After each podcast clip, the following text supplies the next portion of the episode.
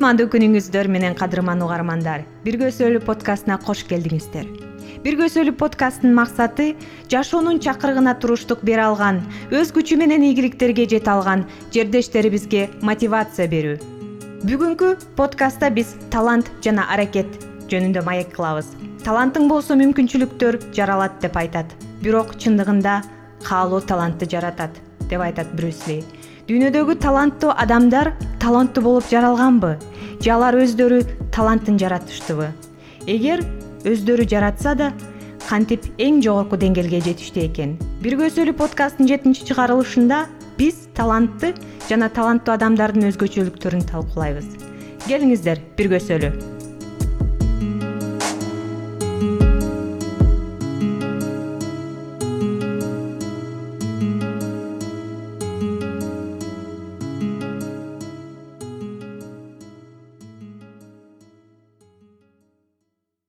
кутмандуу күнүңүздөр менен биздин кадырман угармандар сиздердин назарыңыздарда бирге сөйлө подкасттын жетинчи чыгарылышы бүгүнкү биздин тема талант жана аракет. Негизи эле ушул темага кандай келип калдык алия ошол жөнүндө биздин угармандарга кичине айтып бересиңби? Эң кызыктуу окуя болду. Анткени аркы дем алышта чогуу досторубуз менен тамак ичип отуруп дискуссияга кирдик. Көптөгөн адамдарды таланттуу адамдарды талкууга киргизип ошол адамдар кантип таланттуу болушту экен? Негизи эле талант деген жөндөмдүүлүк деген тубаса сапатпы же болбосо ошол таланттын аркасында чоң эмгек турабы деген суроолор пайда болуп баштады. Анан ошондуктан биз ойлодук ушул теманы талкууга алып чыгалы угармандарыбызга бир сыйра э, анализ кылып берели жана ойлорубузду бөлүшүп кетели деп э, чечтик. Эң жакшы тема менин оюм боюнча дагы сен таланттуу жана аракетчил адамдарды тааныйсыңбы жана ошолорго примерлер барбы? Негизи эле көптөгөн адамдар биздин замандаштар адамдар эң эле көп. Э, бирок мен бүгүн ушул биздин жашоодогу эң мыкты композиторду бир мисал кылып келип кетким келет. Анткени ошол адамдын биографиясынан кичине окудум эле ошону бөлүшкүм келет да. Ушул адамдын биографиясын пик деген бир китептен окудум. Угармандарга абдан э, сунуш кылам. Анткени бул пик перформанс деп коет. Англис тилинде ушул таланттуу жана эксперттүү эң мыкты деңгээлдеги адамдар кантип ушул деңгээлге келет экенин жолун айтып беришет көптөгөн изилдөөлөрдү кылышкан да ушул китепте моцарттын биографиясын айтып кетишет да негизи эле э, баарыбыз окуп келебиз. Э, моцарт деген алты жашынан баштап биринчи симфониясын жазган депчи ошондуктан ошол китепте изилдеп айтып кетишет. Бул моцарт деген атасы өзү музыкант болгон карындашын чогуу моцарт ошо вольфгангды чогуу концерттерге апарып концерттен ошо элдин алдына чыгарып музыка кылдырган жана ошо кичинекей кезинен баштап эле ушинтип тарбиялаган экен да. Төрт жашынан баштап эле ушундай концерттерди башташкан анан алты жашында симфония жазат дегенинен карап келсе ошол жанагы скрипттердин симфониялардын атасынын ошо корректировкалары көп экен да. Анан ошол жерде албетте бир суроо пайда болот. Ушул моцарттын жазган э, симфониясын канчасын моцарт өзү жазды жана канчасын атасы жазды депчи? Эми аны биз деле билбейбиз. Бирок чындыгында айтышат экен эң негизги эң мыкты симфонияларын моцарт деген он алты жашынан баштап э, жаза баштаган депчи ошондуктан алты жашынан жана он алты жашына чейин он жылдык аракет турат. Э, күнүгө өзүнүн аракетин кылып эмгегин кылып э, музыка ошо атасы дагы көп мындай мотивация бергендиктен ушул деңгээлге жетти деп ушинтип талкуулап анализдеп чыгат да ушул китепчи эми ошондуктан абдан эле кызыктуу бул деген эки нерсени бизге көрсөтүп жатат. Биринчиден ар бирибиз эле өзүбүздүн жөндөмдүүбүздү иштесек болот экен. Экинчиден мен таланттуу эмесмин ошондуктан менин колуман эчтеке келбейт деген шылтоону унутушубуз керек экенин көрсөтөт да. Эми биз ушул белгилүү адамды айтып кеттик бирок мен билем бермет сен дагы абдан аракетчилсиң. Рахмат анан сен дагы бир э, программист деген кесипти тандап алдың бул эң эле э, менин оюмча кыйын кесип азыр ошондон бир кичине мисал кылып кетсең деп э, суранам сенден. Мисалы үчүн сен деген он жыл мурун өзүңдү берметти салыштырсаң жана бүгүнкү берметти салыштырсаң кандай айырмалар бар жана кандай ушул кыйынчылыктардан өттүң жана кантип ушул программисттик кесипти үйрөнүп чыктың айырмасы чоң. Он жыл мурун мен москвада кассир болуп иштегем.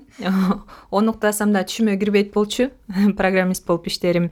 Эми программист деп айтканда айти тармагы аябай чоң да. Мен мисалы үчүн айти тармагында тестирование боюнча специалистмин да. Мен мисалы үчүн софтверге ошо программаларга кайра ошону тестирование кылганга кайра программа жазам да. Негизи эле бул окуп жатканда аябай оор болду окуу учурунда немис тилинен кыйналдым англис тилинен кыйналдым эки жыл компьютерга жетпей жүрдүм.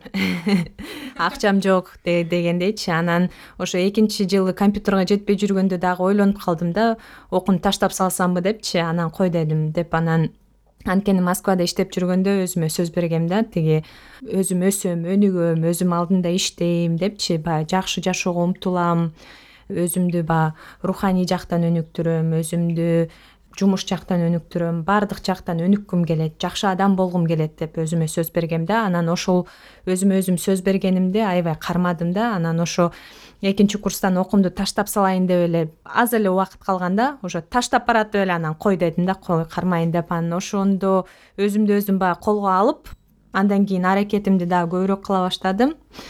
Аракетимди көп берген сайын ишим оңоло баштады анан студент болуп жакшы фирмаларга кире баштадым.